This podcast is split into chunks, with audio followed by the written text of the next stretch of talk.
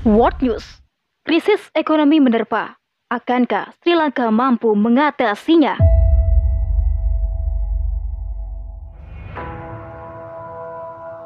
Krisis kembali menerpa. Kondisi perekonomian porak-poranda. Rakyat semakin sengsara kekacauan di mana-mana, mulai berjatuhan korban jiwa. Akankah Sri Lanka baik-baik saja? Sri Lanka saat ini tengah menghadapi krisis ekonomi terburuk dalam kurun waktu tujuh dekade terakhir. Mayoritas warga dilaporkan mengalami kekurangan pasokan bahan pangan hingga bahan bakar gas. Tenaga listrik pun harus dipadamkan secara bergiliran. Ditambah, warga harus mengantri untuk mendapatkan bahan bakar minyak yang semakin langka. Akhir pekan lalu, Presiden Gotabaya Rajapaksa telah mengumumkan keadaan darurat nasional Hal ini dikarenakan kekacauan masyarakat yang semakin menjadi di Sri Lanka. Sejak Februari lalu, habisnya devisa Sri Lanka diikuti oleh inflasi tajam. Ketergantungan terhadap impor menjadi penyebabnya. Selama ini Sri Lanka masih melakukan impor khususnya bahan bakar dan bahan-bahan pertanian seperti pupuk. Yang kini membuat produksi hasil pertanian negara pun semakin kacau. Antrean masyarakat Sri Lanka untuk mendapatkan bahan bakar tak bisa terelakkan. Tidak sabarnya masyarakat memicu munculnya kerusuhan hingga menimbulkan korban jiwa. Untuk mengantisipasi hal tersebut, pemerintah Sri Lanka menerjunkan petugas keamanan untuk berjaga di beberapa titik lokasi. Adanya kewajiban membayar utang, memperburuk kondisi yang ada. Di tahun ini saja, Kolombo memiliki hampir 7,3 miliar US dollar utang yang jatuh tempo kepada beberapa negara seperti China, Jepang, dan India.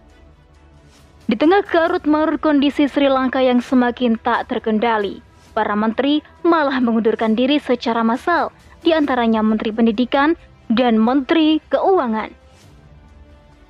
Untuk mengisi kekosongan posisi menteri, Presiden Sri Lanka mengajak seluruh partai politik yang ada di parlemen untuk ikut menjadi bagian dari eksekutif guna mencari jalan keluar dari krisis ekonomi terbesar sejak 1948 yang tengah melanda negara tersebut.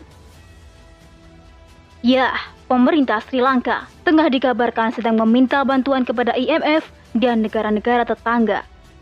Ketua Advocate Institute Murtaza Jefferji berkata, Sri Lanka dalam 10 tahun terakhir terus menambah pinjaman kepada lembaga asing untuk memperluas layanan publik. Pada kesempatan kali ini, Duta Besar Cina di Kolombo mengumumkan pemerintah di Beijing juga sedang mempertimbangkan permohonan utang tambahan senilai 2,5 miliar US dollar dari pemerintah Sri Lanka. Di sisi lain, India pun mengabulkan kredit impor senilai 1 miliar US dollar untuk membeli bahan pangan dan obat-obatan. Pemerintah Sri Lanka berharap bantuan tersebut bisa membantu untuk melewati krisis dan mengimpor kembali berbagai barang dan kebutuhan pokok untuk masyarakat.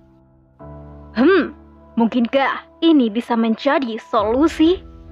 Harusnya, Sri Lanka mampu belajar dari pengalaman masa lalu, di mana Sri Lanka harus menyerahkan pelabuhan Hambantota yang dibangun pada tahun 2010 yang pembangunannya menggunakan dana dari Cina. Akibat gagal bayar utang, pelabuhan tersebut harus diserahkan kepada Cina hingga 99 tahun mendatang. Atau seperti kondisi Zimbabwe yang semakin terpuruk dalam perekonomian dan harus menerima peredaran mata uang Cina pada 2016 lalu karena gagal bayar utang. Ada juga Nigeria akibat gagal bayar utang kepada Cina harus memenuhi permintaan Cina di mana pembangunan infrastruktur di negeri tersebut harus menggunakan bahan baku dan buruh kasar asal Cina. Kemudian Uganda, akibat gagal bayar utang, Cina dikabarkan telah mengakuisisi kepemilikan Bandara Internasional NTB milik Uganda. Berkaitan dengan bantuan utang yang diharapkan oleh Sri Lanka, faktanya utang yang diberikan oleh Cina, India maupun IMF adalah utang yang berbunga. Realitasnya, apakah Sri Lanka akan mampu membayar utang baru? Jika utang lama saja belum terselesaikan dan terus menumpuk bunganya, inilah sejatinya jerat kapitalisme dalam kapitalisme tidak ada makan siang gratis.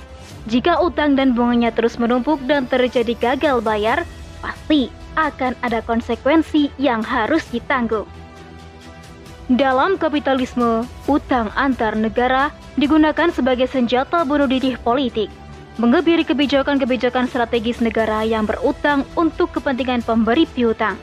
Maka, memilih berutang untuk menyelesaikan masalah perekonomian bangsa bukanlah jalan yang tepat selama sistem kapitalisme masih menjadi napas pemerintahan. Setiap negara berpotensi mengalami permasalahan perekonomian sangat memungkinkan jika utang diambil menjadi salah satu solusi alternatif untuk menyelesaikan perkara tersebut. Islam sendiri memandang bahwasanya utang adalah hal yang diperbolehkan selama tidak ada potensi riba. Namun dalam kehidupan bernegara daulah khilafah akan menghindari berbagai bentuk skema utang karena akan berpotensi menjadi jalan masuknya agenda penjajahan. Keuangan dalam khilafah akan diatur secara terpusat oleh Baitul Mal. Baitul Mal akan memastikan kebutuhan pokok masyarakat daulah bisa terpenuhi. Ya, khilafah akan memaksimalkan pemasukan Baitul Mal dari pos-pos pendapatan negara, yakni dari fai, ghanimah, anfal, khorots, dan jizyah. Kemudian ada juga pemasukan dari hak milik umum dengan berbagai macam bentuknya, serta pemasukan dari hak milik negara yakni usyur, humus, rikas, dan tambang. Dengan mekanisme ini, khilafah pernah menguasai dua per tiga dunia, terkenal tangguh dan disegani negara-negara dunia lainnya. Sebagaimana sabda Rasulullah, Islam itu tinggi dan tidak ada yang mengalahkan ketinggiannya. Maka, seluruh sistem pemerintahan yang ada di dalamnya pun merupakan sistem terbaik. Penerapan sistem terbaik inilah yang menjadikan khilafah sebagai negara yang berpengaruh baik di dalam maupun luar negeri. Adapun jika kas Baitul Mal dalam kondisi kosong, maka negara diperbolehkan mengumpulkan dana dari orang kaya. Bisa juga dengan menarik pajak dari masyarakat daulah dengan tanpa membebani atau hanya ditujukan kepada masyarakat yang mampu saja. Kebijakan ini diambil sebagai opsi terakhir. Keberadaan khilafah pun tak segan memberikan bantuan kepada negeri-negeri yang membutuhkan pertolongan. Contohnya, pada saat di bawah kepemimpinan Sultan Abdul Majid pada masa kekhilafahan Turki Utsmani pada tahun 1947 Masehi. Beliau memberikan bantuan kepada Irlandia yang saat itu mengalami bencana kelaparan parah. Padahal saat itu Irlandia menjadi negara jajahan Inggris dan mayoritas masyarakatnya beragama Kristen.